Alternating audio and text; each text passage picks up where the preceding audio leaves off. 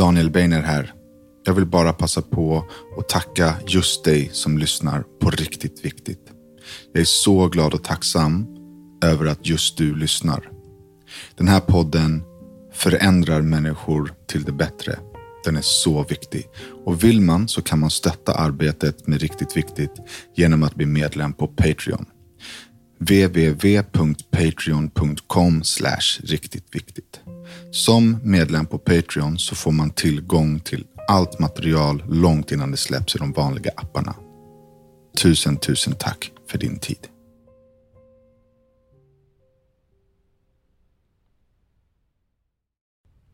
Hej och välkomna till ännu ett avsnitt av Riktigt Viktigt. Idag sitter jag här med ännu en gäst som har ännu en historia och ännu en positiv utgång. Varmt välkommen Mattias Voltaire. Tack så mycket. Du är 47 år gammal och hade din första sorg när du var... Uh, ja, precis. Min första sorg var... När jag sitter och tänker efter så var det när jag var, kan ha varit sex, sju år. Mm. Uh, och eh, jag har försökt både i behandling och terapi och kolla vad, vad det var för något som egentligen hände. Det var, det var inget dramatiskt eh, skilsmässa, dödsfall eller någonting, men jag vet att jag sitter i min mosters knä och gråter fruktansvärt mycket och känner mig helt övergiven och oälskad av mina föräldrar. Förmodligen har jag ställt till med något eller kanske gjort något hyss och fått en utskällning. Men jag vet också, jag vet att liksom, det, det, är det, det, är det första minnet jag har när jag sitter och är helt förkrossad och eh, sen den dagen har jag nog förmodligen fått någon form av bekräftelse att liksom se mig och älska mig. Och, för jag kände mig väldigt oälskad som barn. På grund av den situationen eller är det utspritt över? Jag tror att eh, den, den situationen som uppstod där, som jag inte riktigt vet vad det är, det var nog pricken över i men, men det är någonting som har följt mig genom hela min barndom, så länge jag kan minnas. Eh, mm. Det är ju det som är det fina med eh, det fina i kråksången, att alla har så olika utlösningspunkter. Mm.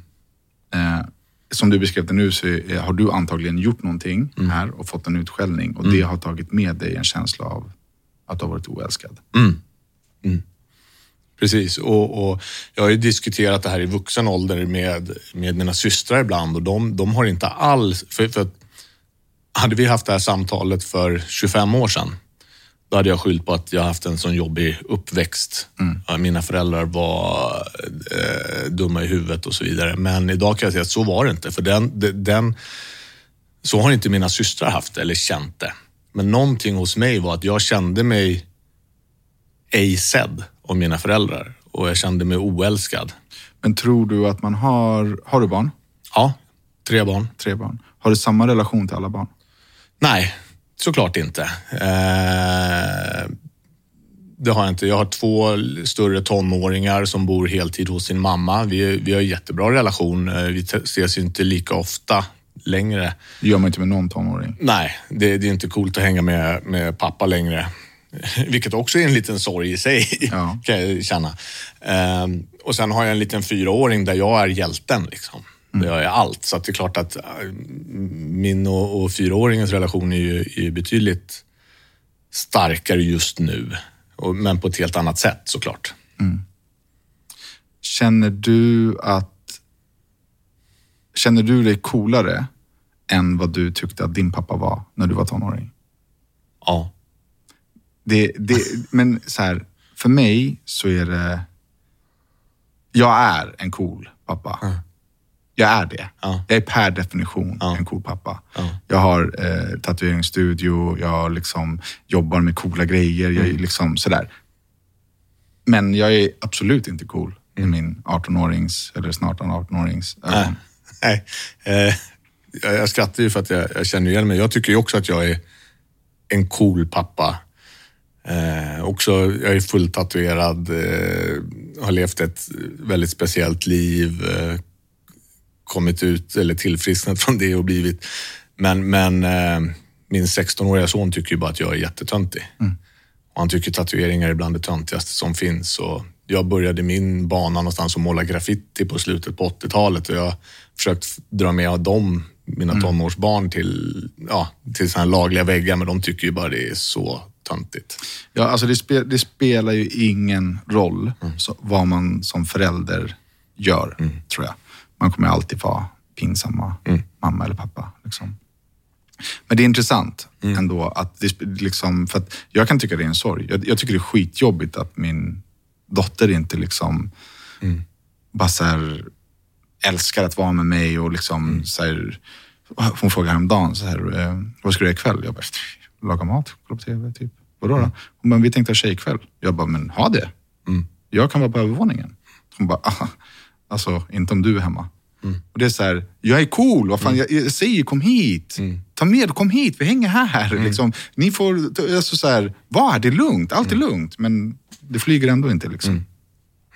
Eh, och det är en sorg. Alltså, mm. det, det, jag kan bli skitledsen över att så här, det känns ändå, inte för att jag ska lägga över det på henne, men det känns ändå som att så här, fan, jag ger och gör allt och ändå Mm. så försöker hon ta sig bort. Det är klart, hon är ungdom. Hon, mm. hon, hon vill ju vara fri. Liksom. Hon vill inte alls hänga med mig. Mm. Nej, det, det, jag köper det, 100 procent. Det är likadant hos mig. Uh, och jag var, ju, jag var ju min äldsta sons idol. Vi kollade ju, hade ju Star Wars-kvällar liksom. Uh, och kollade igenom filmer när han var liten mm. och sådär. Och sen nu när man vill, ja men kom över, bo, bo, ni kan sova hos oss i helgen och så kan vi kolla på film. Så, ah, jag vet inte, jag ska gamea med Gustav eller någon kompis. Mm. Och, och, det gör ont. Mm. Det, det... Och det här får våra barn absolut inte ta åt sig av. Nej, nej. Men Själv, det gör ont. Självklart inte. Och, och, jag kan ju bara backa. Hur var jag som tonåring? Jag var ju fullständigt ja. Alltså. Ja, jag med. Och jag var helt urspårad och, och sa dumma saker till mina föräldrar och, och gjorde allt för att inte vara hemma. Men ljög du för dina föräldrar? Hela tiden. Jag gjorde aldrig det. Nej. Och det var ju, alltså det är nog på gott och ont. Jag, var ett, jag sa ju till mamma, men jag, ikväll ska jag ut och sno en bil. Mm. Liksom.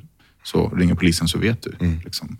Eh, vilket slutade med att när polisen ringde henne och frågade, frågade om den här snodda bilen, så hon mm. bara, ja, han har haft den i två veckor. Så ah. eh, men, men, jag vet inte om, det, om min mamma uppskattade det. Mm. För hon kunde inte stoppa mig.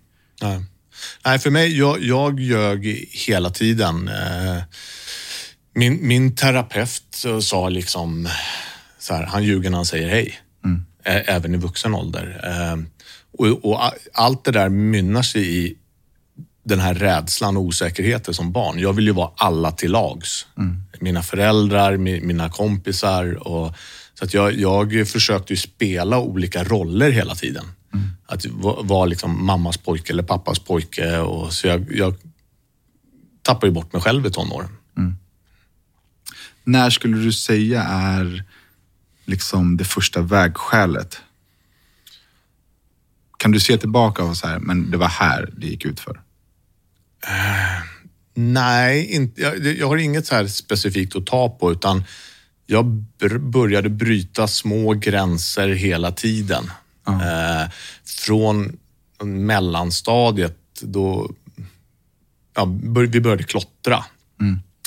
Det här var ju mitten, slutet på 80-talet. Uh, och, och, så fanns det en, en, ganska stor känd klottrare i Blackeberg som skrev SIP och så var det en som skrev Detch och de var, de var ju idoler mm. uh, för mig. Uh, så vi började redan där att klottra, göra inbrott i skolan och snodde pennor och suddgum. Och jag visste ju någonstans att det här är fel och jag mådde fruktansvärt dåligt för det. Och jag, Av att klottra? Vad sa du? Av att klottra? Nej, men, men just inbrotten. Ja. och det var ju man kan ju se det som pojkstreck. Vi, vi, vi gjorde inbrott i skolan och snodde pennor, suddgum mm. och kriter. Liksom och, så. Eh, och jag var så extremt rädd, men jag vågade inte visa det för mina vänner, för där spelade jag ju då en mm. tuffing, för jag ville ju bli älskad av dem. Men sen var jag, när jag låg hemma själv i sängen så jag, kunde jag gråta mig själv till sömns många gånger för att jag var så rädd att bli påkommen av mina föräldrar eller av lärarna. Och, mm. Och jag kan se att det där är liksom en röd tråd som har följt mig hela livet, ända in i tonåren och även vuxenåldern. Den här att, att bekräftelsen att bli älskad och vara någon. Ja, jag lider ju av den fortfarande tror jag. Ja. Alltså verkligen. Eh, Det är ju det är sjukt viktigt för mig att känna mig speciell, omtyckt, älskad, bra, duktig. Liksom. Mm. Extremt rädd för att vara ensam.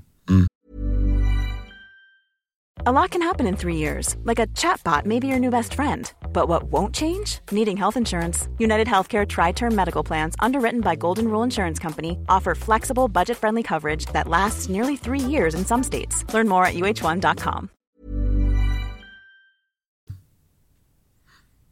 Ja, det är jag med. Jag har ju, jag har ju också haft en sån här, liksom gått från relationer till relationer. Eh, aldrig riktigt stannat upp. Eh, ju- just på grund av rädslan, ensamheten och inte vara omtyckt. Det, men, men det har jag också gjort. Uh, aldrig varit själv. Och jag vet att när man har det här samtalet så kan det påverka ens partner negativt. För att så här, det är att man är med någon bara för att vara med någon. Det är inte sant. Nej. Det är, det är verkligen inte sant. Jag är, liksom dödsförälskad i min tjej. Eh, men jag har inte varit själv och det är också sant. Liksom. Det tar inte bort mina känslor för den relationen jag har. Nej, nej, nej. Nej, absolut inte. Jag, jag har ju varit själv då i... Jag kan, ju- kan jag också säga då, alltså, jag var gift då med mamman till mina två äldsta barn. Därifrån så hoppade jag direkt in i en relation eh, som inte var bra.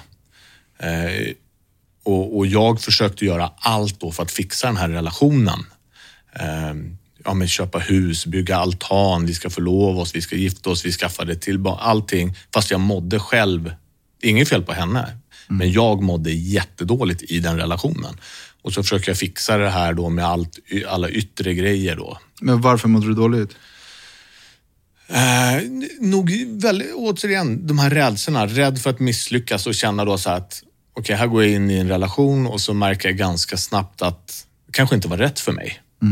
Eh, och, men, men utåt sett så vill jag fixa det. Eh, och då trodde jag att ja, jag, jag ska fixa den här relationen genom att köpa ett hus. Bygga en altan, bygga en swimmingpool. Eh, bara yttre grejer för att det ska liksom se någonstans bra och sen försöka då få den här andra personen att älska mig mer. Så att det... Ja, det är också, alltså, på tal om sorg, det, det, det är också en stor sorg också att eh, inte kunna ja, men hantera det där riktigt. Hur har du hanterat det nu då? Det, det som hände var att de- den relationen tog ju, tog ju slut eh, såklart. Det, det blev ju ohållbart. Och jag ri- ringde faktiskt upp lite eh, terapeuter och sa att jag behöver, jag behöver nog komma och prata om det här. Och, vilket jag gjorde. Och jag tror också det är en sån här, i alla fall för mig, jag ska inte prata för andra, men, men för mig då, som under så lång tid försökte vara den här coola killen, eh, narkoman och lite småkriminell och sådär. Eh, att verkligen liksom böja på nacken och, och så här, jag, jag har problem med mitt känsloliv. Jag behöver gå och prata med någon om hur, hur jag mår och vad jag vill. Eh, det var extremt jobbigt. Men så viktigt. Men, jätteviktigt. Jätteviktigt. Mm, nu, har, nu har vi snabbspolat lite här. Vi ska gå tillbaka till um, de här vägskälen. För att när man tänker på det, så oftast så hittar man ett vägskäl och det kan ta ganska lång tid innan man hittar det. Jag har hittat mitt vägskäl och det var, eh, det var en valborg. Eh, och den tuffaste killen i området kommer eh, med en tjej under varje arm. Och bara går förbi och alla är så här, "Usch, där är han, där är han. Liksom. Där och då var jag så här, men jag ska bli han. Tänk att det är så det funkar. Eh, Kanske inte för alla, men, men så här, den tuffa killen i området hade två tjejer, jag vill också bli som han. Och sen, sen liksom därefter så försökte jag bli tuff. Liksom. Då gjorde jag allt vad som krävdes för att vara tuff. Eh, Allt från inbrott till att slåss till att eh, liksom, hålla på med dumheter. Eh, Och det är ju inte hans fel. Inte alls, jag skyller ingenting på honom. Liksom. Men, men det, jag vet nu idag, så här, det var den situationen som fick mig att välja ett spår i livet. Liksom. Jag tror för mig var, var nog eh, klottrandet. Alltså, vi såg ju upp till de här killarna och absolut, jag, de vet ju inte knappt, de vet inte vem jag är. Liksom. men, men för mig var de, alltså, det var mina idoler. Mm. Eh, och någonstans när, när vi började klottra så blev det så här att ja, men jag ska göra allt för att liksom bli känd. Mm. Och, sen, och sen så då, när man klottrade längs tunnelbanelinjen så kunde man åka tunnelbanan då och, och, så kunde man se sin egna tag eller målning och då är det så här, wow. Där fick jag någon form av bekräftelse. Jag härstammar ju också ur graffitin. Okej. Okay. Mm. Eh, vi hade ju YNZ, DCS-killarna, liksom, ja. MTA på, på, den tiden som var stora och det var ju idoler. Mm. Man kunde se nya målningar varje dag mm. från tunnelbanan som de hade gjort. Liksom. Mm. Hur långt gick det med graffiti? Nej, in, inte speciellt långt alls. Mm. Eh, det fanns ju massa andra idoler då på, på jag är ute från västerort eh, längs gröna linjen. Det var Jason och Weston kom ju, de blev ju stora där på 90. Men ganska snabbt så, så blev det ja, jag började sniffa den här sprayfärgen. Eh, jag och en annan klottrare som ner, skrev han, vi började sniffa väldigt mycket kromfärg och så blev det, ja, vi testade Mariana och så att vi, vi säger att jag klottrade mellan 88 och 93 kanske. Mm. Och sen, sen började det gå ut för. Jag, ja, jag boffade också eh, spray och mm. bensin och sådär. Och det är ju jag skulle säga det är mitt livs största misstag, mm. men det har också varit mitt livs räddning. Jag fick psykos av det. Ah. Riktig psykos som jag lider av än idag. Mm. Jag kan inte känna, jag kan inte tanka bara på bensinmacken. Jag kan inte åka båt som luktar bensin. Alltså så här, jag okay. är superbegränsad. Mm. jag har jobbat jättemycket med det, men, men jag, jag hade ju liksom flera år av mitt liv har suttit inomhus för att jag kunde inte gå ut för att jag kunde inte känna lukter. Liksom. Eh, och det är på grund av det. Men det har ju också gjort att jag aldrig har knarkat. Mm. Så det är på gott och ont det där ja. att det hände mig, för att jag hade blivit knarkare. Ja. Jag ja, älskade ruset. Jag, jag, jag, jag älskade mm. det, det, liksom, den livsstilen. Mm. Men jag blev så rädd. Så att jag, liksom, jag började dricka när jag var alltså, vuxen. Mm. Mm. Ja, nej, ja, precis. Det är ju tur i oturen mm. att det blev så. För jag älskade det också. Vi, vi sniffade ju dagligen under liksom, högstadietiden. Jag förstår hur farligt. Det man gör är att ja. man häller då, eh, det här är strängt förbjudet för någon att prova. Det här är livsfarligt. Men man hällde ju substans, alltså jättestark substans i en påse och sen andades du i påsen. Det, alltså det måste ju smälta hjärnan Mm. för varje sekund. Alltså, mm. Det måste vara, det är klart, men det är så, så, vilken idiot mm. grej. Ja, först är ju kemikalierna livsfarliga för hjärnan och kroppen och sen har du ju också syrebristen. Ja. Eh, jag får ju typ panikångest nu när vi pratar ja, om det. Nej, men jag får ju också så lite äh, rysningar för att, för att jag vet ju också några gånger, min droppe var ju när jag förmodligen fick syrebrist. Jag tuppade av flera gånger och ja. fick jätteläskiga hallucinationer. Ja, och, samma här. Det var det som hände och det brände fast. Ja, och då, då la jag ner det. Mm. Däremot så, så den här längtan att vara någon eh, fanns kvar och så träffade jag nästa, enligt mig då, coola kille och så blev, provade jag Mariana. Och, och Mariana gillade jag inte, eller hash var det först tror jag. Och jag gillade inte den, det alls. Men, men det var så många som gjorde det och jag ville ju vara som dem. Mm. Så jag rökte ju liksom emot min egen vilja. Eh, vilket är jättesorgligt. Ja, bara är för att jag ville vara den här tuffa killen. Jag tror att det är så vanligt. Mm. Speci ja, det är nog vanligt bland alla, men, men eh, speciellt bland unga killar. Mm. Att man gör, tar beslut och fullföljer saker som man inte vill bara, bara för att platsa in. Mm. Mm. Nej, men så var det ju. Och, och, det kan jag säga har ju varit många, liksom, många, många situationer upp i övre tonåren också. Massa dumheter som jag gjort, som jag egentligen varit helt livrädd för att göra. Mm. Men jag gjort det för att, ja, återigen, helt rädslostyrd och, och det här enorma bekräftelsebehovet av att platsa in eller bli omtyckt eller vara cool.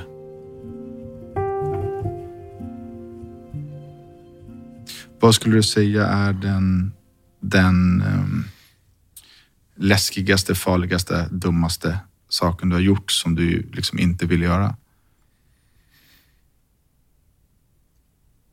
Mm. Alltså menar, du, menar du något... Alltså jag, jag tänker ju på, på allting jag gjort mot mig själv. Mm. Uh, och så kan det ju vara. Alltså, ja. Det är en öppen fråga. Alltså, jag, jag har gjort massa dumheter, alltså kriminellt och, och sånt här. Men, men eh, jag var extremt sjuk. Mm. Det, det, är inget, det är liksom inget försvar, men jag, jag var ju sinnessjuk. Liksom. Jag fattade inte vad jag höll på med. Men jag skulle nog säga att det värsta jag gjort, det är nog det jag gjort mot mig själv. Den, det liksom psykiska våldet på mig själv. Mm. Uh, utanför drogerna eller? Ja, utanför drogerna. Uh, För jag håller ju på med det fortfarande. Jag, jag, jag, jag, jag bryter ju sönder mig själv dagligen mm. in, inuti mig själv. Liksom. Mm. Jo, nej, men utanför drogerna. För, för någonstans så blev ju drogerna och alkoholen för mig, det blev ju någonstans lösningen eller frizonen. Att när jag fick i mig sen kokain, då var det så här, ah, alla problem försvann och jag blev någon. Jag blev tuff och cool. Alla rädslor försvann. Och det värsta stadiet var nog när jag var liksom nykter. Mm. Då var jag nog som mest sinnessjuk. Eh, och gjorde, som jag sa, saker som som jag verkligen inte står för. Mm. Liksom gjorde våld på min egen moral och etik liksom bara för att vara någon. Mm. Det är djupt ändå mm. när, när man kommer till den punkten att man kan se, se det mot sig själv. Mm. Eh, jag har ju svårt att idag säga att eh, eh, att det är... Jag håller med dig. Att så, det värsta man kan göra är ju att skada sig själv mm. under lång tid. Jag har gjort det så länge som jag minns. Mm. Liksom. Men det har, jag har aldrig tänkt på det så som du säger det nu. Mm. Utan det jag har tänkt på är så här, vad jag har gjort mot andra. Mm. Vilka situationer jag har satt mig i mm. för att eh, bli bekräftad av andra. Um, och det, det, är egentligen två skilda saker. Och den du pratar om är ju den viktigaste pusselbiten för att läka. Liksom. Ja, nej, men så är det ju. För att jag hade ju inte hamnat i de där andra situationerna om, om jag hade varit liksom tillfreds i mig själv. Mm. Så det har ju tagit liksom år av, av terapi och samtal. Att liksom börja kunna spegla sig själv ärligt mm. och se liksom vad, vad jag har gjort mot mig själv. Och på den resan då skadat massa andra människor känslomässigt. Uh, på grund av att, att jag har varit så jäkla rädd och osäker och vill passa in. Och... Hur är du med de känslorna idag? Eh, bättre, men, men det är ju fortfarande... Kan, ja, men det här liksom... Men jag älskar ju att bli sedd. Jag älskar att bli omtyckt. Eh, om du skulle fråga min sambo så kan jag vara... Ex, hon, hon kan ju ligga i soffan ibland och bara vill vara själv. Och då kan, då kan, då kan det kicka igång mig. Nej, men kom hit, vi, vi ligger här, jag kan klia dig i håret. Och liksom för att jag har en... en um, fortfarande kommer det där tillbaks. Mm. Fi, fi, apropå ingenting, finaste julklappen jag fick av henne, det var, det var en burk med hundra lappar varför hon, vad hon tycker om hos mig. Mm. Så jag går och öppnar en sån här varje dag. Och då, ja, du fick det nu? Ja, jag fick det nu i julklapp. Och först när jag såg den tänkte jag så här, jaha, det var ju snålt. Mm. bara men jag förstod inte vad det var. Men sen när jag öppnade de här lapparna så ja, stod det anledningar vad hon tycker om hos mig. Hundra stycken. Hundra anledningar? Ja, har hon suttit och, och gjort. Kan, kan, du komma på hundra anledningar om dig själv? Nej. Samma här. Det, ja. det känns som en omöjlig uppgift ja. att jag skulle skriva ner hundra anledningar. Jag tror jag skulle ha svårt att göra det mot någon annan också faktiskt. Hundra, det är många. Alltså. Det är många. Mm. Det var en hel burk full med, med smålappar. Och då har du tre månader nu framför dig med ja, en liten treat varje dag. En liten treat varje dag. Mm. Och, och, och jag märker, det kan ju låta för, för lyssnarna som en töntig grej, men för mig, att öppna en sån här lapp varje dag, det, det är magiskt. Mm. Det, det stillar mitt, mitt begär. Mitt, har du blivit förvånad över någon, någon av lapparna? Nej, nu har jag inte öppnat så många då, i, i början på januari, men Nej, utan jag tycker det är gulligt och det är fint liksom. Och, och det är ingen sån här grej som jag blivit så här, va? Gillar du det här hos mig? Ja. Inget sånt än. Det kommer ju säkert komma. Ja, vem vet? Jag har ingen aning. Du verkar som att du har jobbat lite på att tycka om dig själv. Så att, uh... Jo, nej, men det gör jag ju. Jag tycker ju om mig själv. Sen har jag ju sidor jag inte tycker om hos mig själv som jag fortfarande liksom jobbar med. Och, och det är ju, kan ju vara liksom, ja men, eh, mycket rä, alltså, rä, alltså, rädslan är ju liksom en, en, en återkommande punkt i mitt liv.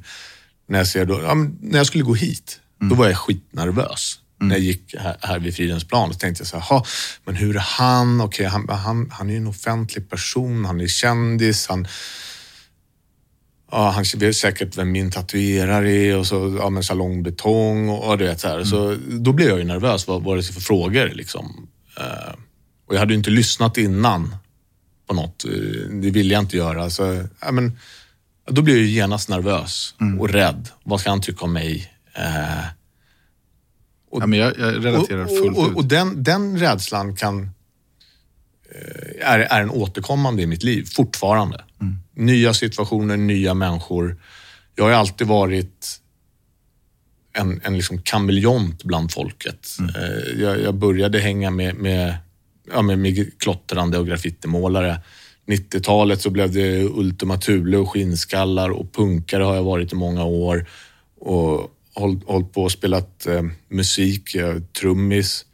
Så jag har hela tiden hoppat runt i olika konstellationer för att liksom mm. platsa in någonstans. Men jag tror att jag har gjort samma, eller jag har gjort samma. Mm. Eh, och när jag inte längre ville vara, förknippas eller egentligen ha kontakt med kriminella. Mm. Sen dess har jag varit själv. Mm mer eller mindre. Jag har ju, jag har ju min, mitt järngäng, liksom, mm. mina, mina, grabbar. Men, men jag, vill inte, nu, nu vill jag ingenting. Nej. Jag jagar, mm. det är vad jag gör. Mm. Jag är hemma, jag jobbar, jag jagar. Mm. Liksom. Sen gör jag fan ingenting. Mm. Och jag bryr mig mindre och mindre om mm. saker som jag tyckte var så viktigt. Så, alltså, jag, jag, sa det till några polare häromdagen. Så här, vi, vi är klockintresserade ett gäng. För vad? På riktigt, för vad? Mm. Okej, okay, jag köper den här klockan, jag har den på mig. Mm. Det enda som händer när jag har den klockan på mig, det är att någon annan grabb mm. tycker att jag har fet klocka. Mm. Det finns inte en kvinna i världen som reflekterar över vad jag har för klocka. Nej.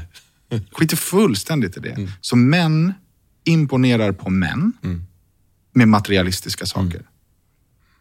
Det är det alltså hjärndödaste jag har hört. På riktigt. Och, och det är det är ju så sant det du säger. Och jag är relaterad till varenda grej. Mm. Eh, just klockor. Och, men jag, är också, jag har ju den här beroendepersonligheten i mig. Så att när jag har skaffat den där klockan, eller, eller så här. Eh, min pappa hade, hade en Breitling. Mm. Jag fick den av honom när jag fyllde 30 tror jag det var. Eller om det var 40. Ja, skitsamma. Jag fick den och blev så här, wow, fan vad skönt liksom. Hade på mig den efter en vecka, när mina vänner har sett den klockan och jag har fått den här bekräftelsen, ja, men då går jag och tittar, vad är klockan värd? Kan jag sälja den och köpa den där klockan mm. som är lite dyrare? Så jag blir aldrig riktigt nöjd heller. Det är typiskt grabb. Ja. Jag är exakt ja. likadan. Det börjar släppa nu och det är jävligt skönt. Eh, nu är det ju så att klockor eh, är investeringar, så det är mm. inte pengar i sjön som många tror, mm. utan eh, det går absolut att tjäna pengar på klockor och mm. man kan ha den under tiden. Så det är till klockornas försvar. Men man kan lägga klockor åt sidan. Mm. Det, det, det, är vad som helst. Det är kläder, det är bilar, liksom. Mm. Eh, där man hela tiden egentligen försöker bräcka mm. en annan man. ja. Det, det är så ja. sorgligt så att... Ja. Jag hade ju en period där jag var med i klockforum och hade någon app också och ja. tittade. Man kunde se då... Så, den Krono 24 Ja, ja, exakt. Det har jag lagt allt det där åt sidan och min klocka ligger hemma i byrålådan och jag kan ha på mig den om vi ska gå ut och äta någon gång. Mm. Eh, så. Men samma sak där. Varför tar du på dig den när du går ut och äter? Ja, det är nog för att känna mig snygg och mm. fin. Mm. Ungefär samma som jag sätter på mig kanske en skjorta och kavaj. Om vi ska... Men tror du att din tjej tycker att du blir snyggare för att du har den där klockan på dig?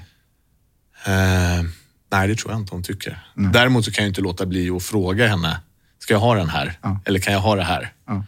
Och jag är lite, oavsett vad jag, exakt oavsett vad, vad jag frågar så kommer hon säga, ja det kan du ha. Mm. Ja, min tjej kan vara så här, men du byt tröja eller stopp. Ja. Alltså, hon är liksom... Hon, jag lyssnar ju på henne, ja. så att säga. Säger hon stoppa in t-shirten, då stoppar in t-shirten. Jag, jag skiter i. Jag, alltså, jag vill att hon ska tycka det är fint. Ja. Liksom. Men hon, hon, kan absolut ha åsikter. Um, Men, men, men just det där, det här liksom dyra materialistiska mm. är... Det, det är klart att tjejer gillar det också, men killar tävlar med killar. Mm. Liksom. Mm. Ja, men så är det. Men mm. du sa här innan att här, om din, din tjej säger att hon vill vara själv så blir det problem för dig. Ja, äh. det har blivit bättre. Ja. Äh. Och jag, jag har så mycket problem med det. Mm. Senast igår mm. så eh, jag kom hem efter jobbet och sen så eh, ringer min tjej och för, för, henne är det här helt normalt. Mm. Hon bara, du, vad gör du? Bla, bla. Hon bara, jag är på väg hem, men jag behöver lite paus. Jag behöver vara lite själv. Mm. För mig är det katastrof att ja. hon säger så. Jag bara, va? Vad snackar du om? Liksom. Hon bara, nej men jag behöver vara lite själv bara. Liksom, mm. så, här, så kom hon hem och, och, så började hon packa. Så här. Jag bara, va, va, vart ska du? Liksom, vad, vad fan händer? Mm. Hon bara, men jag ska åka hem till min kompis och, och hänga med barnen och liksom sova. Och mm. bara ladda på batterierna lite. Det här behöver inte, just igår handlade det nog om mig för att vi hade tjafsat. Men det behöver inte handla om mig. Mm. Att hon vill ha lite egen tid. Mm. Men jag kan inte inte ta det personligt. Nej. Det, nej, nej. jag kan inte det. nej. Och innan hon gick igår, för att jag, var ju, jag, var ju, jag blev svår i det. Jag var inte alls skön och lät henne gå. Liksom, eller lät, klart jag lät henne gå, men jag, hela min kropp visade att jag var missnöjd. Mm. Liksom. Eh, och så när hon gick så hon bara, men, hon bara, det är helt sjukt. Hon bara, du jagar, alltså du har jagat två dagar i veckan sedan oktober. Mm. Du åker iväg och får din egen tid hela tiden. Mm. Va, vad är det för skillnad när jag vill åka hem till liksom, och min, min kompis och hänga med hennes barn? Mm. Det är ingen skillnad. Men jag, jag tar det personligt. Nej, jag, jag är precis likadan. Och, och, det kan till och med vara så att hon har haft en skitdag på jobbet. Mm. Uh, och jag hämtar henne på jobbet, vi åker hem, sitter hon bara tyst i bilen. Och jag frågar, vad är det? Nej, men det är inget. Mm. Och så suckar hon kanske lite grann. Och då blir jag, mm. men på riktigt, vad är det? Nej, men det är inget. Jag har bara haft jäkligt jobbigt eh, på jobbet, det har varit mycket och bla bla bla. Okej, okay. och då sitter jag där och börjar analysera och, och, och tror att det handlar om mig. Mm. För jag är så jäkla självisk i, i det där. Istället för att kanske lyssna på henne och säga, ja ah, men okej, jag ger dig space. Nej, då kan jag börja mala på där. Ja. Så kan jag inte släppa det där. Och till slut blir det en konflikt som jag då har dragit igång. Mm. Och, och, till slut blir hon irriterad på mig för att jag håller på och tjatar. Mm.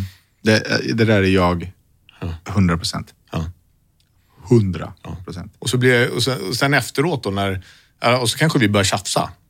Fast det fanns ju inget att tjafsa om. Och för mig kan det ta liksom en dag innan jag börjar inse så här, att okej, okay, det var jag som drog mm. igång det. Och sen nästa vecka kan det faktiskt vara likadant igen. Men erkänner du det då? För jag har lättare att erkänna det här nu medan vi pratar. Ja. Jag satt precis, du, du såg, såg att jag sneglade på timern. Ja. Det var för att jag tänkte så här, det här ska hon få höra. Ja. Okej, vi, är på, vi är på minut 32. Jag skickar det här till henne sen. Ja. Så slipper jag säga det. Ja. Nej, men det, det, det, är nog så. Alltså, jag har ju lättare att säga det här, mm. eller till en polare, än mm. till henne. Och vad är det om då? Jag vet inte. Och, och, och, och det här har jag diskuterat både liksom med, med, med, vänner och klienter och, och, och liksom hur viktigt det är det här med ärligheten och säga det. Så här, du fan, jag ber om ursäkt för det, det var barnsligt. Men när det kommer till en relation, jag vet inte vad det beror på, men det är ju känslor inblandat på ett helt annat sätt än vad jag har kanske till min bästa vän. Mm. Eh, så jag har ju mycket svårare för sådana saker i en relation. Alltså med, med den, jag, den jag älskar. Och det är där är som viktigast? Där är som viktigast. Precis. Ja, det är svårt alltså. Det är svårt. Mm. Alltså, så, så svårt. Liksom. Jag blir också så här, ja men gå då. Mm. Och så ska jag vara sur sen. Det hade nog inte jag klarat. Jag säger gå? Ja. Nej, jag sa För jag skulle ju vara livrädd att hon då går. Ja. Och så sitter jag där då. Men det var exakt det som hände igår. Ja. Jag bara, ska du, ska du åka eller? Hon bara, jag bara, men åk då. Liksom, inte så stick, utan så här, men åk då bara så att liksom, slipper jag sitta här och, och liksom vänta på att det ska gå. Mm. Uh, så hon drog ju. Mm. så jag hur, bara, hur kändes det då? Så här lät det i huvudet. Ja. jag bara så här, jag bara, vad händer nu? Ja. Hon, hon, har dra, så här, hon har dragit, men hon har inte dragit. Hon har åkt hem till en polare. Mm. och tar en eller två nätter om hon behöver sin egen tid. Vilket är fullt normalt. Jag är inte en person som behöver egen tid. Mm. Men jag är också ute i skogen mm. många timmar per år. Mm. Så jag får ju min egen tid. Mm. Mm. Jag ber inte om den som hon gör, utan jag får den för att jag jagar. Mm. Jag, jag, jag, säger så här, det är okej om jag jagar på lördag. Men för mig är det ju inte att jag ber om egen tid. Utan jag ber om att få jaga. Men det är ju egen tid. Jag är ju själv i skogen. Ja, ja. Eh, jag hörde en amerikansk terapeut säga så här, when you are alone, all your enemies are there. Mm. Och, och, jag skriver verkligen under på det, just i sådana här situationer. Uh, vad skulle hända då om min sambo gick iväg? Ja, men då skulle jag sitta där med mina tankar. Mm. Och helt plötsligt så har jag dragit igång en actionfilm i min skalle och jag tror att den är sann. Mm. Precis, men hennes egen tid mm. är ju min, alltså det blir min strafftid, eller vad man ska säga. Mm. Då sitter jag och straffar ut mig själv istället. Ja. Varför det, blir det så? Jag vet inte, men det är ju äckligt. Ja. Det är äckligt, alltså på riktigt. Det är ju vidrigt. Och jag vet ju också, alltså i min egen tid, jag, jag, jag tycker ju om att måla graffiti idag mm. på lagliga väggar, så jag åker ju iväg ibland och gör det. Mm. Eh, och jag frågade henne, ja men, så här, ja men på torsdag kan jag åka iväg två timmar? Och, ja, självklart. Då är det ju inga problem. Nej. Är det tvärtom, då börjar ju min tankeverksamhet. Är det någonting? Mm. Det är jävligt... Alltså, undrar om det inte är liksom en, en könsrelaterad grej också. Alltså, jag, tror, jag, jag tror absolut att det bottnar i, i, i ens känsloliv och det har med den här, om jag bara går till mig själv, den här rädslan att vara ensam, ej omtyckt, att det, liksom, det rotar sig därifrån. Men um, jag får ofta höra att, jag har, att det är ett kontrollbehov hos mig. Mm som jag gärna avfärdar. Och det vet jag inte varför. För är det fult att ha ett kontrollbehov? Är man dålig partner då eller sådär? Men min dotter säger ofta till mig som du har värsta kontrollbehovet. Liksom. Eh, och jag är såhär, men för att jag vill veta vart du är klockan tre på natten, mm. det är inte ett kontrollbehov. Nej. Det är alltså för en föräldrars plikt. Mm. Liksom. Men det är ju ett kontrollbehov. Mm. Per definition så är det ju det. Jag vill ju veta vart hon är för att ha kontroll mm. på vart hon är. Mm. Och där är det svårt för mig att dra gränsen för vad som är normalt och inte. Liksom. Mm. Det, så kan det ju vara, absolut. Eh, men jag håller ju med dig där att, att eh, ja, ett kontrollbehov, men ett, ett sunt skulle jag ju säga, alltså när det kommer till ens barn. Jag vill ju också veta jag ringde min son häromdagen eh, och då var klockan kvart över tre på eftermiddagen. Han låg och sov och jag, jag frågade varför ligger du och sover? jag gick och la mig klockan halv åtta. Mm. vad gjorde du vaken liksom hela natten? Ja, I det här fallet satt han ju bara och gameade då med, med vänner, men, men han är ju i den åldern, ja men nyårsafton, då var det ju också så här, ja då skulle han iväg till Järfälla på, mm. på någon villafest. Okej, okay, hur kommer du hem? Ja, mm. vet, boka taxi. Ja, men då vill jag ju ha kontroll, såklart. Mm det värsta som kan hända är att det händer ens barn något och jag vill ju inte att han ska ha den. Men går du tillbaka till dig själv och säger, men när jag var i den åldern så gjorde jag så här och därför blir du orolig för jag hans tror, beslut? Ja, nu, nu är han väldigt olik mig hur jag var i tonåren, vilket är väldigt bra. Men det, det är ju självklart det som... Jag är ju livrädd att han ska göra som jag gjorde när jag var i den åldern. Mm. Vad, hur, vad, din, vad skulle din reaktion vara om han eh, antingen kom hem och berättade eller att du kom på honom. Så han har rökt gräs eller han har dragit ladd eller? Jag vet, jag vet inte. Det, det är så långt bort. Däremot så han, han kommer ju, om han inte redan gjort det, ta sin första fylla någon gång. Mm. Hur gammal är han? 16. Mm. Förmodligen har han kanske redan gjort det. Eh, men jag är, jag är nog om han berättar det själv, då skulle det nog vara helt annorlunda. Då skulle jag nog bara liksom tycka att det är jättebra att han vågar prata om det. Mm. Jag vågade aldrig prata om mina saker när jag var barn. Det, jag var ju en mussla och jag ljög ju bara och blånekade ju allt. Mm.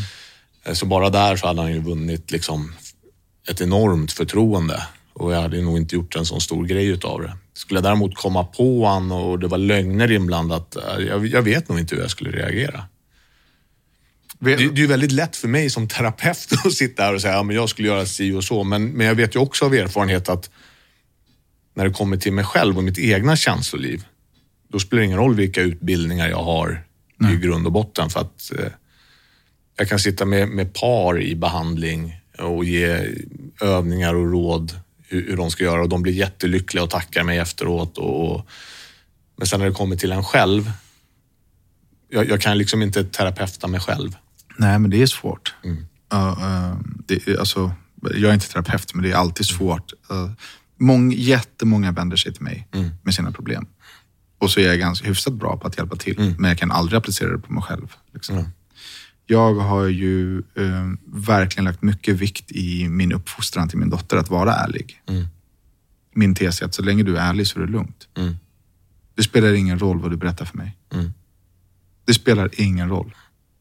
Jag finns här för dig. Mm. Men när du börjar ljuga, då är det svårt att finnas. Mm.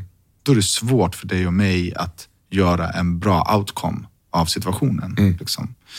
Um, och jag har liksom verkligen sagt så här, allt är lugnt.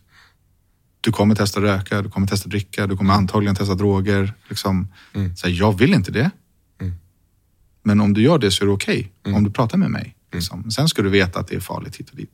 Och sen så gick jag till en um, terapeut uh, som är specialiserad då på att coacha föräldrar. Mm. För att jag uh, kände mig inte på en bra plats i mitt föräldraskap. Uh, och hon skällde ut mig efter noter mm. på grund av det här. Liksom. Och hon sa till mig, att din enda uppgift är att bli osams med ditt barn. Din enda uppgift är att vara sträng och sätta tydliga regler mm. och inte acceptera någonting utanför de reglerna. Det är, din, det, det, är det enda sättet. Mm. Nu finns det säkert olika eh, skolor i det här, men den här terapeuten var så. Eh, så jag bara, men, men är det inte bättre att så här, hon vet att hon får så hon vågar prata? Mm. Men jag, alltså jag, jag vill inte att min dotter ska testa någonting, men jag, mm. jag är inte dum. Mm. Jag är inte dum, jag fattar ju. Mm. Det kommer hända. Liksom. Hon kommer ha sex och det kommer, liksom, allt det här kommer hända. Mm. Det är en människa vi pratar om. Liksom. Så hon bara, men, men det finns studier som visar på att om man säger till ett barn, mm. det, det, är okej. Okay Ta, ta du en, en lättöl, mm. så har det barnet närmare till att dricka stark sprit eller närmare till att röka hash mm. än ett barn som inte får göra det alls. Mm. Så, och, och, och, det kan jag ju typ köpa. Mm. Så jag blev supersplittrad mm. i... Det här är ju bara tre år sedan. Alltså, mm. så här, det är ju, jag har ju misslyckats då. Jag har gjort det liksom i alla år redan. Um, jag och min dotter har en, en jättefin relation kring allt sånt här och vi pratar väldigt mycket och hon är, är ärlig. Mm. Liksom. Jag kan ju fråga, som nu på nyårsafton så um, sa jag till henne, så jag bara, du liksom, gör vad du vill men meddela varje gång du lämnar en adress bara. Mm. Så jag vet att du inte är kvar på det stället och att du är på väg till ett nytt ställe. Um, och, och, det gjorde hon och sen så, jag kom hem halv fyra. Mm. Någonting så ringde jag henne. Jag bara, vad gör du? Hon bara, nej men jag är kvar på den här festen. Okej, okay, liksom, um, vill du inte åka hem? Alltså, klockan är mm. halv fyra. Hon bara, jo men det är så dyrt att åka taxi nu så jag väntade så att det blir billigare. Mm. Jag bara, nej men beställ en taxi så betalar Vill du åka hem så åk hem. Liksom. Mm. Såklart. Um, och så jag bara druckit, hon bara, lite grann. Så, här, så, att vi har en bra mm. dialog kring det och hittills, alltså allt man kan göra för att stoppa all, all ondska, eh, peppa peppa ta i trä och sådär. Hittills så har hon inte gjort någonting så att hon har tappat kontrollen mm. eller eh, så. Eh, hon har varit väldigt försiktig. Ehm, vilket jag då tycker är bra, såklart. Och som jag gärna då tar tillbaka från den här terapeuten. Att så här, mm. ja, men det kanske funkade så som jag, mm. så som jag hade velat bli uppfostrad. Mm. Liksom. Ja, jag, jag, jag tror ju på er båda, mm. eller båda sätten. Jag, jag tror att det är väldigt farligt och svårt att, att liksom måla just sådana här saker svart eller vitt. Mm. För att alla människor är unika individer och fungerar olika. Så att jag är också på det spåret att jag, jag, vill, jag vill kunna ha det, att barnen ska ha det förtroendet för mig att blir de skitfulla ska de kunna ringa mig och jag kommer och hämtar utan att det ska bli mm. en stor grej. Sen, sen vet de nog också att var jag står när det kommer till liksom narkotikafrågor. Att mm. Det är big no-no liksom. Titta hur, vad, vad, som har hänt med mig. Eh, och jag vet också, alltså något som, ja nu sa ju hon att det finns studier på det, men det kan ju också vara att när det blir väldigt, jag vet ju folk som har haft väldiga förbud mot allt och sen när de är upp mot 20-årsåldern, då exploderar de. Mm. Eh, så jag tror att det är en väldig vågskål. Liksom. Det är inte lätt att vara förälder. Nej, och sen är ju alla, allas barn, är ju, alltså, dina och mina barn kanske är helt olika varandra.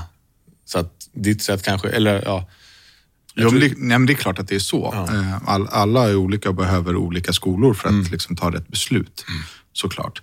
Jag menar bara på att jag vill att hon ska vara trygg med, som du sa. Mm. Du ska vara trygg med att ringa mig och säga så här, nu, jag åt den här kakan, det var hasch i den, jag mår mm. skitkonstigt. Mm. För jag, jag, vill också gärna, jag vill också gärna att mina barns kompisar ska känna det förtroendet. Mm. Att om, om min son ligger och spyr på en busshållplats och inte kan gå, att de ska kunna ringa mig utan att det mm. blir någon, eh, ja, någon fara. Jag hade en kompis i, i tonåren, han, han var jätte, jättefull, kunde knappt gå och vi var ju livrädda. Då hade vi inte mobiltelefoner så vi visste inte riktigt vad vi skulle göra av honom. Så vi åkte ju hem till honom, till hans föräldrar i en liten villa i Ängby och så knackade vi på dörren och släppte honom där och sprang. Mm. Uh, för vi var ju så rädda att bli påkomna att vi hade varit. Nu fattar ju de såklart att vi var ett gäng på fyra, fem personer som alltid umgicks. Så mm. De förstod ju det i alla fall. Men, men jag, fattar det traumat ändå, öppna dörren så ligger ditt barn Ens barn där. där och har ingen ja, aning ja. om vad som har hänt. Och, och precis, tänk dig den förälderns situation. Hade, hade det skett med, med min son, då hade jag, ja vad bra att han är här, jag ska ta hand om honom. Men shit, hans vänner, vad har hänt med dem? Mm. Vart är de? Ligger de i någon buske och, och är medvetslösa? Mm. One size fits all, seemed like a good idea for clothes. Nice dress. Uh, it's a T-shirt. Until you tried it on. Same goes for your healthcare.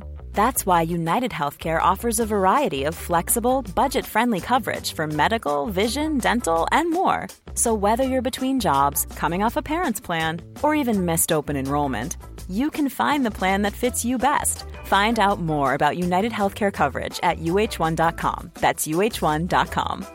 Hiring for your small business? If you're not looking for professionals on LinkedIn, you're looking in the wrong place. That's like looking for your car keys in a fish tank.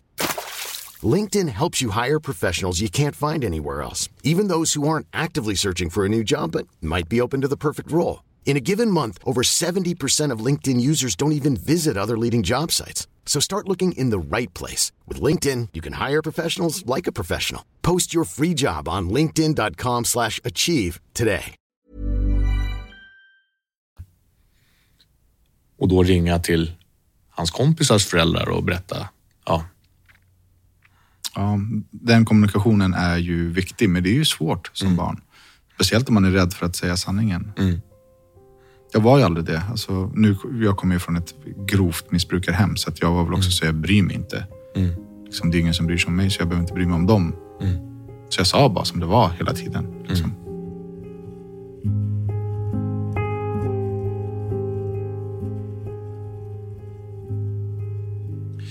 Men vi har inte ens kommit in på den problematiken som du har haft på riktigt. Liksom.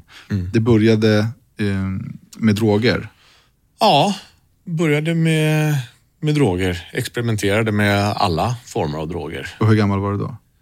Det var ju i tonåren. Mm. Ehm, och såg mig inte alls som någon, någon narkoman eller liksom beroende eller missbrukare så, utan jag var ju som alla andra tonåringar.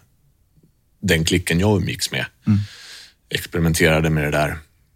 Ehm, och jag kom ju inte från någon missbrukarhem eller någonting så, så att ehm, det, det jag vet idag är att, att det är ju en, ja, delvis genetiskt överförbar sjukdom.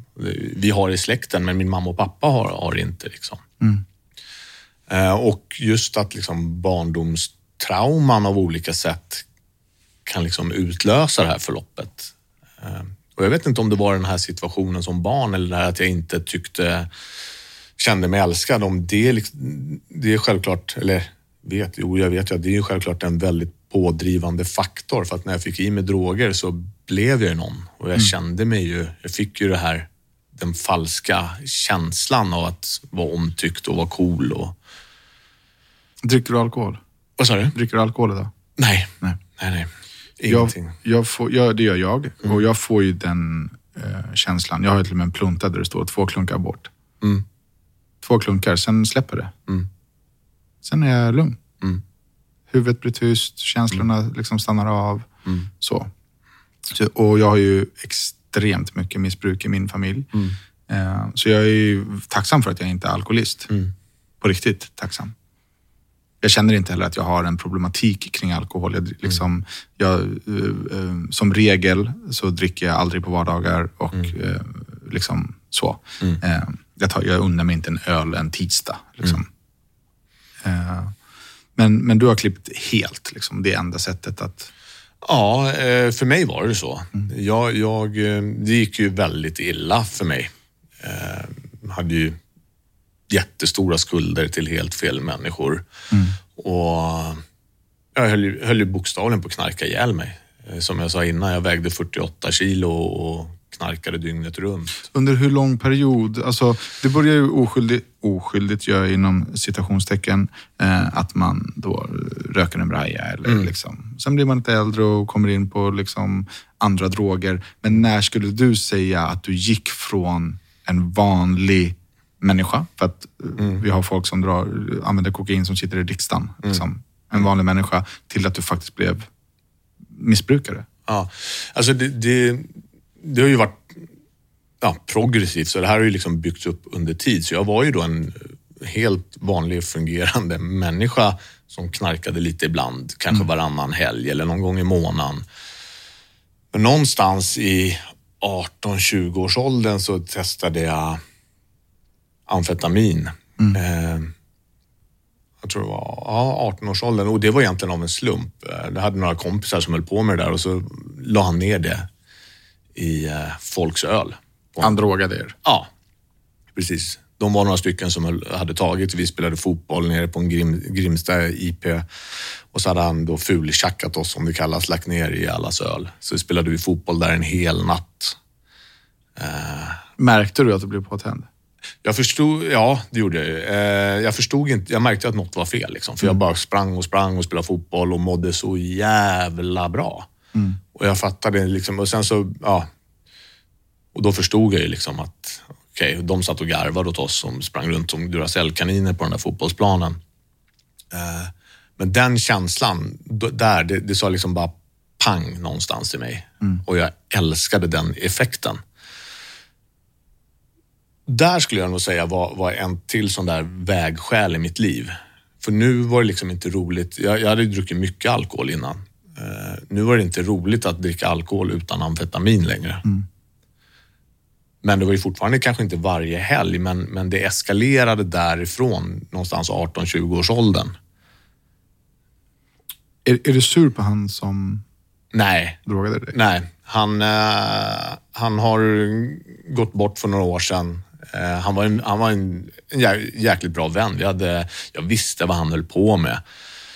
Eh, och vi blev ju jättebra vänner efter det också, än, ännu mer. Eh, och han var, han var ju han var ju som jag, han var ju sjuk i sjukdomen, liksom, i beroendesjukdomen. Eh, också upp, eller han var ju uppvuxen med en alkoholiserande, eller uppvuxen med en med ensamstående mamma. Hans pappa var alkohol, alkoholist, eh, haft en ganska svår uppväxt busig kille liksom, men ändå... Ja, han gjorde det ju inte så här så att ah, nu ska vi göra de här narkomaner, utan det var ju, de såg ju där och då som ett pojkstreck. Liksom, att det här är lite kul. Liksom. Mm. Nej, jag, jag, jag, är inte sur på honom, för, för jag hade ju tagit det i alla fall. Mm. Och, kanske inte den helgen, men nästa. Liksom. Uh, jag är ju allergisk mm. mot det. Att folk fular i folk preparat. Mm. För det kan leda till ett beroende. Det kan mm. leda till psykos. Det kan mm. leda till massa liksom.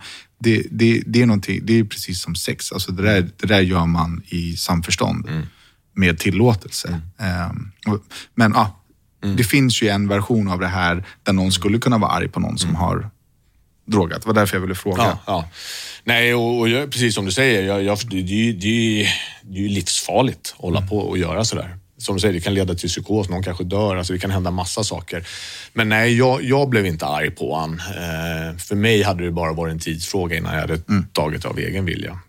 Och någonstans därifrån eskalerade det till att liksom bli fest varje helg till kanske tre gånger i veckan. Och sen var det ju perioder. Jag träffade någon tjej och då kanske jag tog det lugnt ett tag och så tog det slut. Och då kanske jag festade lite mer. Jag kallade det ju för festande för det var ju det vi gjorde. Det var ju på den tiden, det var ju, det var ju jag såg det som att jag levde rock'n'roll eller ville leva det livet. Med droger, ja, småkriminell och liksom mm. pengar och tjejer och och sen gick det över till kokain lite senare. Och där blev det väl någonstans någon ny kärlek liksom till kokainet. Och det...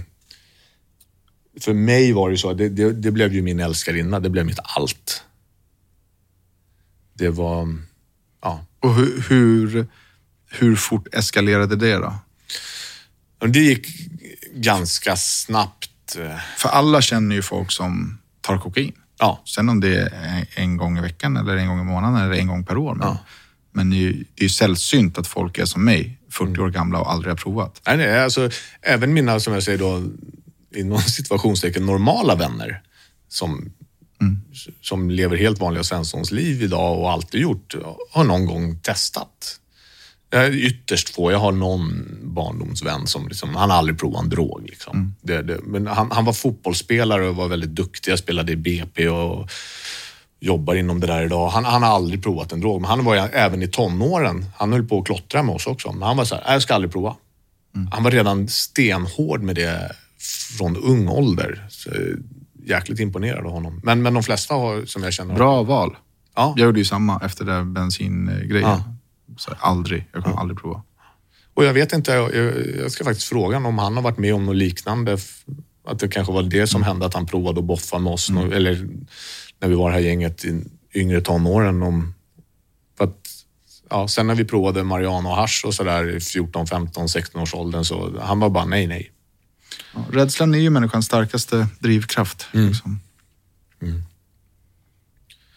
Nej, men ja, det eskalerade ju. Eh, och då, och Hur gammal är du nu? Ja, men det är någonstans mellan 20 och 30. Vi säger 25-årsåldern. Och ett sånt här vägskäl som jag minns så väl, det var ju då att jag märker hur, hur vi var liksom en klick, säg 15-20 pers som, som känner varandra från ungefär samma område, födda ungefär samtidigt. Hur vägskälet är att en del ja, men de skaffade ju jobb, relationer, någon kanske fick barn, någon kanske skulle plugga på någon högskola någonstans. Att deras festande, alla vi hade den här klassiska perioden efter studenten fram till 20-årsåldern. Det var mycket, liksom, man skulle ut och resa, man skulle festa mycket. Sen lugnade det där ner sig för normala människor, mm. men inte för mig. Min fest fortsatte. Så jag böt ju umgängeskrets för att hela tiden ha tillgång till fest. Liksom. Ja, det såg jag ju inte då, utan jag såg ju bara, men jag vill ju inte, jag vill inte klar. Jag vill ju leva rock'n'roll och... Mm. Jag såg mig inte som narkoman då heller. Det var ju liksom... Men hur ofta brukade du kokain då? Men säg i snitt av varje helg kanske. Mm. Eh, sen kunde det ju vara perioder. Jag kunde ju ha någon månad, två där jag inte använde det. Och sen kunde det ju vara en, vissa perioder, om det var några semestrar, om då använde jag det betydligt mer. Och hade jag liksom tillgång till pengar så blev det mer kokain. Men kom det någonsin till en punkt där du blev beroende av att skaffa pengar så att du kunde ha tillgång till mer? Ja. Det var ju det som skedde när, när, när jag märkte att jag satte hela tiden så gränser för mig själv. Aldrig på jobbet, aldrig på en veckodag mm. och så vidare. Och jag märkte vid några perioder hur, hur jag började bryta de där gränserna. Att ja, men nu ska vi, på en, eh, vi ska ut på fredag. Ja, men då kan jag ta en, som jag kallade det, startlina mm. klockan fyra fast jag slutade jobba klockan sex. Mm. Och de där gränserna började jag flytta hela tiden. Aldrig på arbetstid och till slut började jag liksom, ja, jag körde hela dagarna. Mm. Det måste vara extremt kostsamt. Ja, det var det ju. Och det var ju då jag också blev beroende av att skaffa pengar för att ha råd med det. Och då jobbade jag i en butik där jag stal pengar och jag gjorde kriminella saker vid sidan. För att liksom, då handlade det inte om att göra kriminella saker för att ja, men, jag var kriminell eller eh, behövde pengar till hyran, för jag hade en lön. Mm. Utan det var ju bara till att finansiera mitt användande. När, när kom det till det vardagliga missbruket då? Ja, men det måste ha varit när jag var runt 29. Och det är också då att det kommer smygande. Först flyttade du gränsen från fyra till tre till två. Ja. Sen så blev det torsdag, sen blev det... Ja. Och sen kunde det ju vara liksom då att nej, men jag vaknade på morgonen, käkade två ägg och så tog jag en lina och åkte in till jobbet. Mm. Och sen så körde jag på och sen kom jag hem. Fick du samma rus? Nej, nej. Nej, eh, nej precis. Den, den, vid den här tidpunkten så försvann liksom, effekten började ju försvinna. Jag trodde ju till och med att det var någon gång jag ringde upp någon langare och skällde ut honom för jag tyckte att det var så dåligt grejer han hade sålt. Ja. Det jag inte förstod är att det, det som händer är att alltså jag behövde ju ha kopiösa mängder för att överhuvudtaget få någon effekt. Mm. Eh, och nej, jag fick ju inget rus. Det kanske var någon sekund. Sen var det bara liksom för att jag skulle kunna jobba. Mm. Jag, eh, jag har en, en vän som har rökt extremt mycket gräs. Mm. Och röker gräs alltså hela tiden. Mm. Alltså, jag vet vad röker man en gång i timmen? Jag har ingen aning. Men alltså hela tiden. Mm. Eh, men han känner inget. Nej. Så jag bara, vad fan röker du för då? Mm. Vad fan är grejen? Alltså, du, om du inte känner någonting, då kan du ju lika gärna röka en cigg. Mm. Eller en vape. Mm. Eller ingenting alls. Mm. Liksom. Eh, men då har jag fått det förklarat att röker man inte mm. så bör man må pyton. Ja, och det var ju precis det som hände. Att, att när jag inte tog kokain, då, då blev jag ju sinnessjuk. Mm. Eller alltså, jag mådde dåligt och vid den här tidpunkten hade jag då träffat mina äldsta barns mamma och, och det var ju flera gånger hon trodde att jag hade tagit. Hon var ju helt emot droger. Ja. Hon trodde att jag kanske var påtänd när jag inte var påtänd. För då var jag helt hispig och rastlös, irriterad, mådde dåligt och när jag fick i mig kokainet så blev jag liksom, då blev jag lugn. Fast kokain är ju en uppåtdrog. Eh, så att det blir liksom tvärtom effekt. Så därför var jag liksom tvungen att ha det här hela tiden för att hålla mig flytande. Men, och då ljög du om det inför henne? Oh ja. ja. Och sen kom hon ju på mig eh, hundratals gånger. Och jag var ju mästare på att liksom ljuga och manipulera. Så det var flera gånger jag kunde komma hem och det kunde ramla ut en påse. Och hon började skälla på mig. Och på något vänster har jag liksom lyckats vrida hela det här bråket till att hon ligger och gråter och ber om ursäkt. Ja. Så psykiskt störd var jag. Liksom. Jag kunde liksom vända... Ja. Hur är det i sådana nu, det låter ju så jävla dumt, men det här är ju viktigt att prata om och man mm. får ju stå för, eh, för vem man är. Mm. Men jag kan ju känna igen det där i mig idag. Mm. Trots att jag inte är missbrukare. Mm. Att jag, jag, jag, kan ju, jag kan vända på saker och jag kan bråka. Mm. Liksom tills att det, jag eller personen blir ledsen. Liksom. Först då så är jag så här, shit, vad håller vi på med? Liksom. Mm. Och det är inte så att, att det liksom är ett aggressivt språk, utan att man diskuterar eller ältar eller vänder pajkastning eller liksom mm. inte bara stannar upp och tar ansvar för mm. en själv i situationen. Liksom. Mm. mm. Jag skulle ja. ja, men så kan nog jag kanske vara lite grann. Jag, jag jag är ju med i en sån här tolvstegsgemenskap. Mm. Så jag, ehm, eh, försöker leva efter, efter den manualen. Liksom. Att hela tiden titta på så här, okay, situationer, vad har jag för del i det här bråket mm. till exempel? Och vad kan jag rätta till? Eh, sen är det jäkligt lätt för mig att sitta här och säga. Mm. Men när det väl...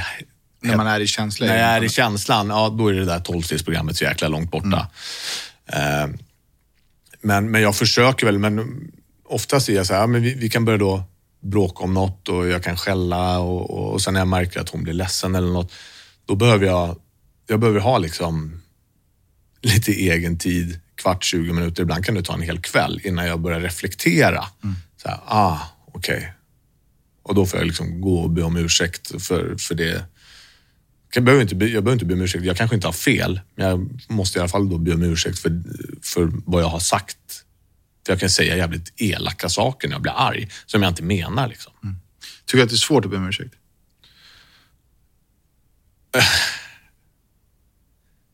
Ja, ja, ja, alltså ja och nej. Jag måste vara ärlig där. Alltså, när i stridens hetta, ja absolut, då kan jag inte säga nej.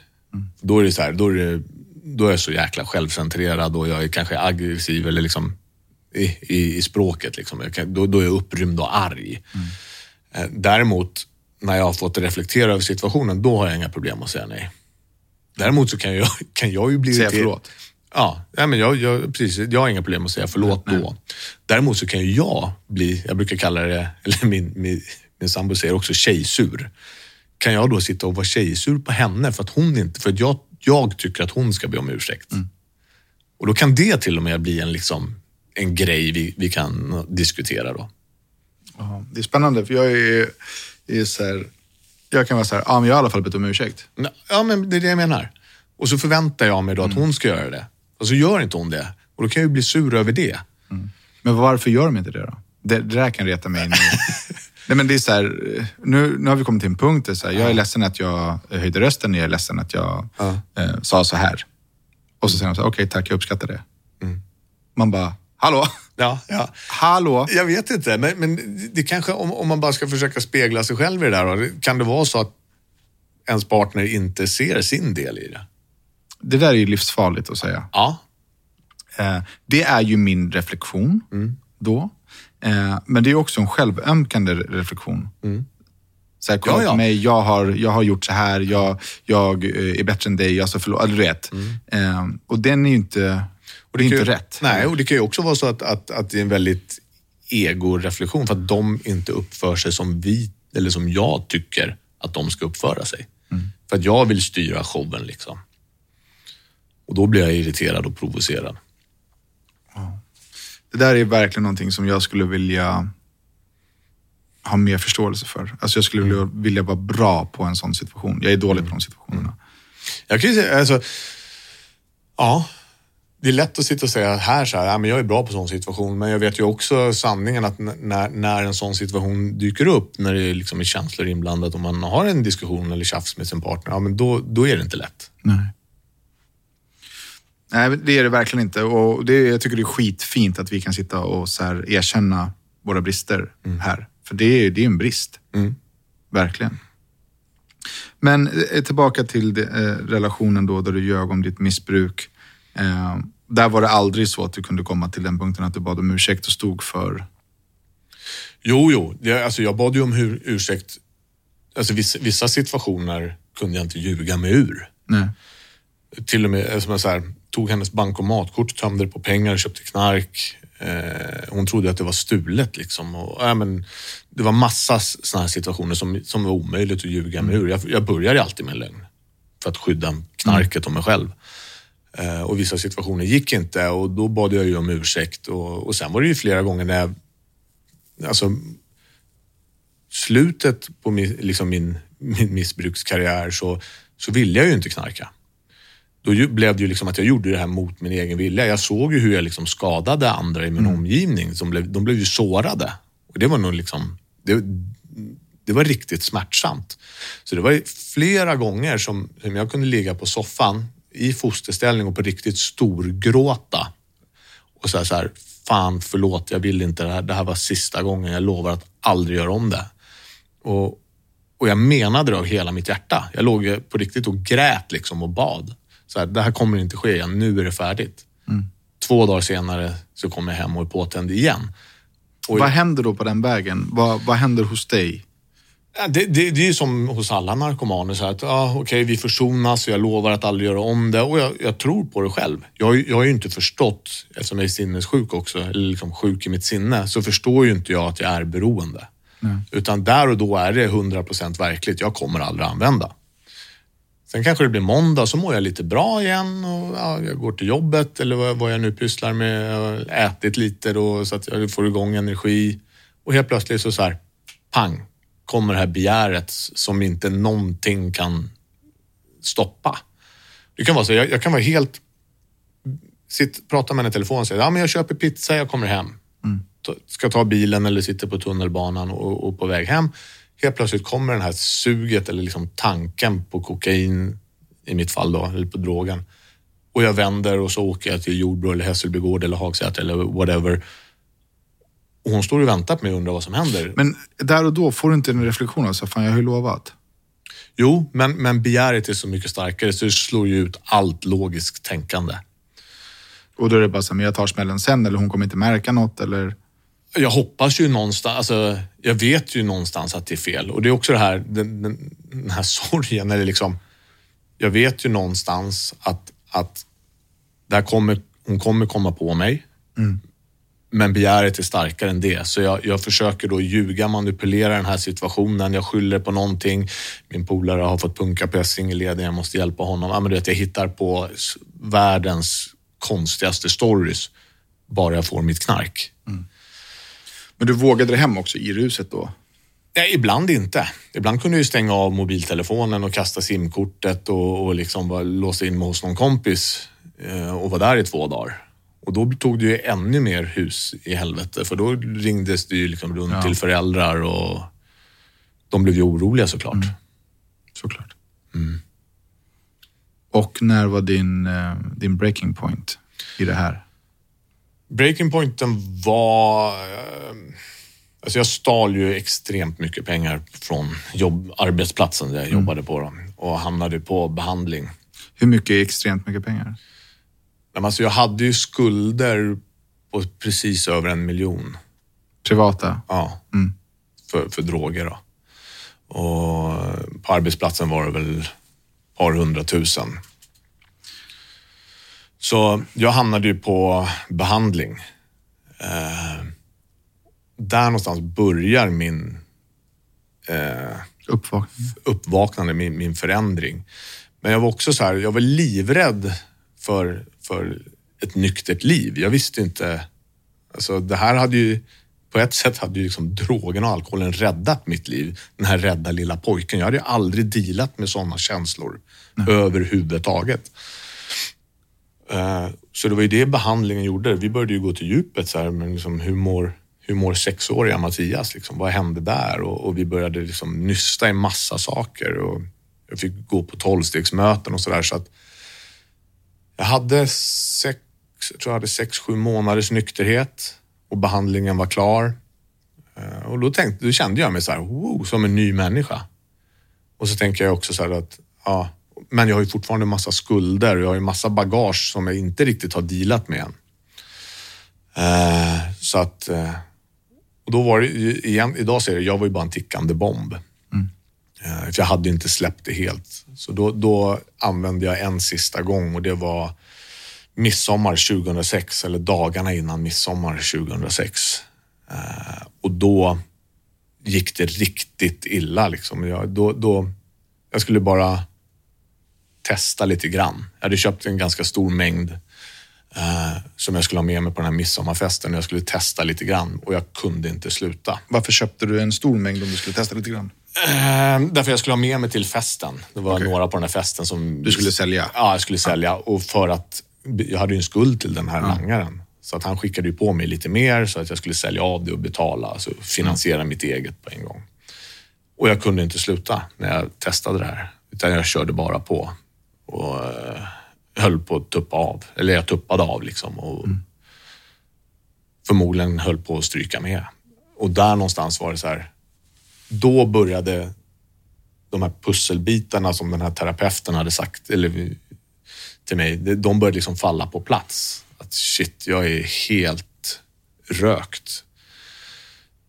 Så jag ringde upp honom, terapeuten igen och berättade mm. som det var och vi hade ett samtal och jag började gå på de här mötena igen.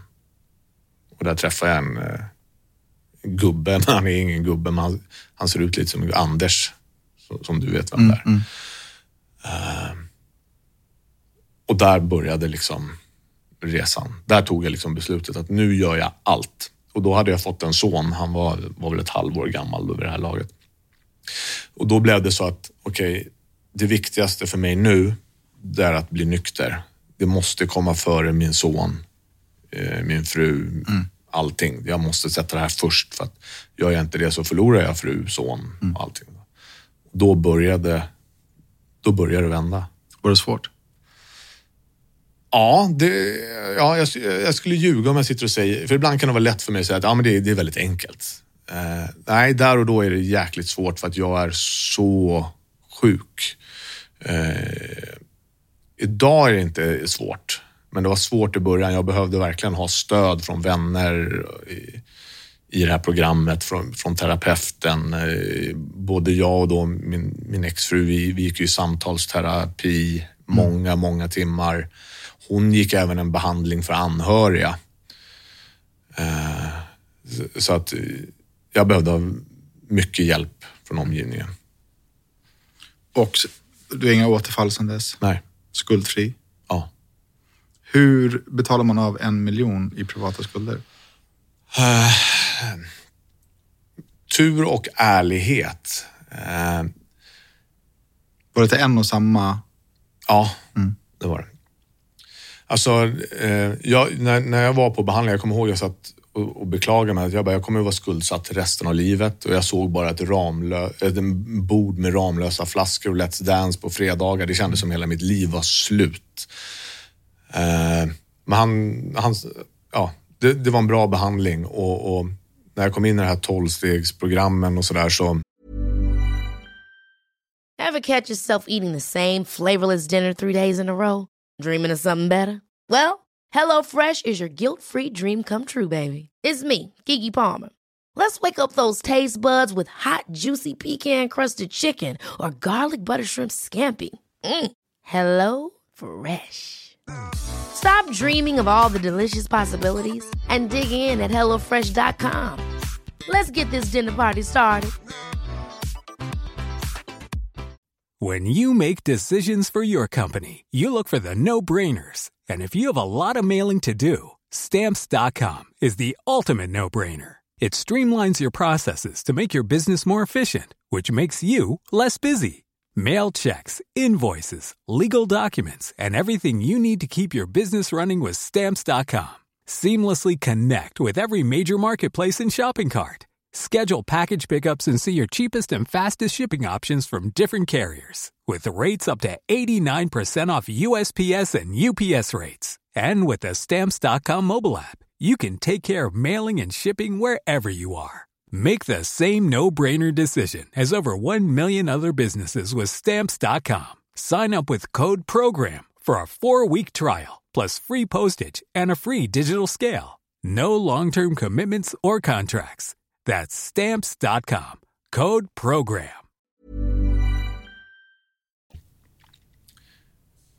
Ska man försöka vara ärlig och det var så här, jag hade en eh, lägenhet som blev en bostadsrätt. Eh, min exfru då, hon hade en lägenhet som vi, vi böt om där och ville flytta och, jag, och köpa ett, ett radhus. Det, det, var vår plan. Och jag fick ju nej från alla banker liksom, såklart. Och då jag ringde upp min, min sponsor och sa, men prova att vara ärlig mot banken. För de frågade så här, men var, mm. var alla de här pengarna, var, var tar de vägen? Liksom? Var, jag hade ju också en massa smålån som jag hade tagit mm. på vägen för att betala av det värsta. Liksom. Uh, och då hade jag ett möte. Det var jag och min pappa och uh, min exfru hade möte med den här banktanten. Uh, och så tänkte jag att jag ska prova att vara ärlig. Men då sa jag inte kokain. Utan jag sa att jag har haft problem med alkohol under så här mm. så många år och jag skulle... Så du provade att vara ärlig men du ljög? Ja, precis. Ja. Nej, men det, Folk förstår inte att, att liksom beroende, det spelar egentligen ingen roll vilken substans, men, men, man har mycket fördomar att, att eh, ja, mm. Mariana och ja. Så, så jag, jag, sa att eh, jag har haft problem med alkohol och, och hon sa så här, jag, jag, kan inte ge något beslut nu, jag måste prata med min chef. Och sen ringde hon tillbaks och så vi hade tittat på ett riktigt ruckel till radhus. Ehm, och vi fick beviljat att köpa det. Mm. Och sen, eh, vi köpte det. Eh, jag renoverade mycket själv med hjälp av vänner. Eh, och ren tur liksom. Ja, jag ska ju vara ärlig här, men vi gjorde en oärlig grej. Vi, vi, vi, efter några år så belånade vi det för att mm. renovera badrummet, vilket vi inte gjorde. Utan vi betalade av en stor summa till langaren. Mm. Eh, Och han var okej med det här? Han var liksom... Ja, eh, han var okej med det. Eh, det, hade, det hade hänt ganska mycket grejer också under den här resans gång. Eh, jag hade skyddad identitet, fick jag, under en period för att det var, ja, jag, jag inte betalade. Nej, såklart. Eh, och jag hade även kontakt faktiskt med, med en jättebra person inom polisen som jag pratade mycket med. In, inga, inga anmälningar eller så här, men jag rådfrågade vad ska jag göra liksom. Och då sa han så här, det, de kommer inte att eh, sätta dit dig eller liksom skjuta dig för det här för att de är beroende av att få in de här pengarna. Och så är ju inte läget idag. Men det här var, det här var då. Eh, så att eh, jag kom upp med en avbetalningsplan eh, som de godkände då. Eh, och vi betalade in ganska mycket pengar. Och sen när vi separerade då så köpte hon ut mig ur, eh, ur radhuset. Jag flyttade till en lägenhet och fick loss sista pengarna då. Så jag kunde betala in. Så det tog ungefär tio år att Okej. bli helt skuldfri. Okej. Tålamod ändå på de Ja. som... Verkligen. Eh, Men idag jobbar du som missbruksterapeut. det så? Alkohol och drogterapeut. Ja. När bestämde du dig för att utbilda dig till det? Ehm, ganska tidigt i min, alltså jag, ganska tidigt i min nyktra karriär. Jag, eh, jag började verkligen brinna för, för att hjälpa andra när jag upptäckte själv hur, hur bra det går att må utan alkohol och droger. Så jag ringde upp min terapeut, jag hade varit nykter i något år och sa så här, ja men jag vill, jag vill eh, bli alkohol och drogterapeut och då log han och skrattade lite åt mig och sa så här, Mattias, det, det vill alla som börjar tillfriskna. Eh, Du, du gör bäst jobb liksom på de här mötena du går på. Liksom. Men har du fortfarande samma intresse om åtta år, återkom till mig då. Eller när jag var nykter åtta år. Och, vilket jag gjorde då. Väntade du åtta år? Ja, tills jag hade varit nykter åtta år ungefär. För att han sa så? Ja, för att han sa så. Och, eh, ja, men jag litar, under den här behandlingen så bygger man väldigt starkt förtroendeband. Liksom. Och någonstans tyckte jag också att han hade rätt att... att eh, eh, för det, det, hä- det hände mycket under den här resans gång. Det var ju de här skulderna, det var skilsmässa, det, var, det, det hände ju mycket saker och, och jag behövde nog ha den här långa tiden eh, för att ja, bearbeta och jobba med mig själv väldigt mycket. Så att när jag var nykter åtta år bestämde jag mig och sen var det också att jag ville, jag, ville, jag blev intresserad av ämnet. Eh, För det jag upptäckte också, det var att det finns så mycket fördomar och väldigt mycket okunskap kring vad är missbruk, vad är beroende och en, en del köper ju inte att det är en sjukdom och så vidare. Det är ju sorgligt. Det är, inte- det är jättesorgligt. Eh, och, så jag, jag blev intresserad av ämnet och bestämde mig då att plugga. Hur lång utbildning är det? Tre år. Tre år. Är, är det samma som vilken terapeututbildning som helst? Alltså kan du... Nej, det är det inte. Utan, utan det här är, den här är inriktad på, på beroende. Men kan du jobba då mot spelberoende? Kan du jobba mot alla sexberoende eller är det bara liksom droger? Ja, det, det, det skulle jag kunna göra. Ehm, för, för att beroende, alltså det, det är ju liksom... Det finns en, en jättebra terapeut, Craig Nacken, som, som han, han pratar alltid om objektet istället för marijuana, alkohol, spel, sex, shopping, gaming. Eh, utan det är ju det här objektet som, som jag blir beroende utav. Sen vad det är för något, egentligen lite strunt samma. Men, men jag har valt att bara jobba med, eh, med alkohol och droger. För att det är där jag kan relatera och jag kan bygga ett förtroende till mina klienter. Jag, man, mm, förlåt. ja, nej, det, Om man nu som lyssnare känner att man eh, har en problematik, Mm. kan man vända sig till dig då? absolut. Och hur gör man det? Eh, Instagram, eh, Dalenius Voltaire heter Instagramkontot. Och även hemsidan daleniusvoltaire.se. Där finns det kontaktuppgifter, både telefon och mejl. Kul. Eh, det här är ju en folksjukdom Mm. i Sverige. Det betyder att det är vanligt mm. som fan. Eh, med olika former av missbruksproblem. Eh, och det är härligt att det finns människor som du som har gått igenom det själv och sen eh, utbildat sig. Mm. Det, för jag vet ju att många gör samma resa. De vill. Mm. Men sen krävs det lite att vänta de där åtta åren och sen mm. gå den här treåriga utbildningen och sen verkligen ta tag i det. Jag tycker det är stort och jag är extremt tacksam över vårt samtal. Jag har lärt mig väldigt mycket. Tyvärr jobbiga saker har jag lärt mig idag om mig själv eh, när det kommer till relationer. Jag har suttit och reflekterat över eh, massor av saker som vi har sagt och min insats i dispyter i mm. relation. Det, det, jag har mycket att lära. Eh, tusen, tusen tack för att du har tagit din tid. Mm. Tack själv för att jag fick komma. Såklart. Mm.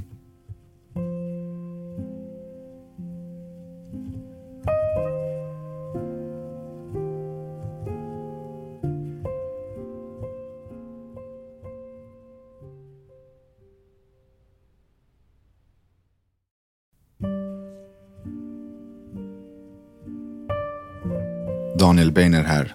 Jag vill bara passa på att tacka just dig som lyssnar på Riktigt Viktigt. Jag är så glad och tacksam över att just du lyssnar. Den här podden förändrar människor till det bättre. Den är så viktig. Och vill man så kan man stötta arbetet med Riktigt Viktigt genom att bli medlem på Patreon. www.patreon.com riktigt viktigt. Som medlem på Patreon så får man tillgång till allt material långt innan det släpps i de vanliga apparna. Tusen, tusen tack för din tid.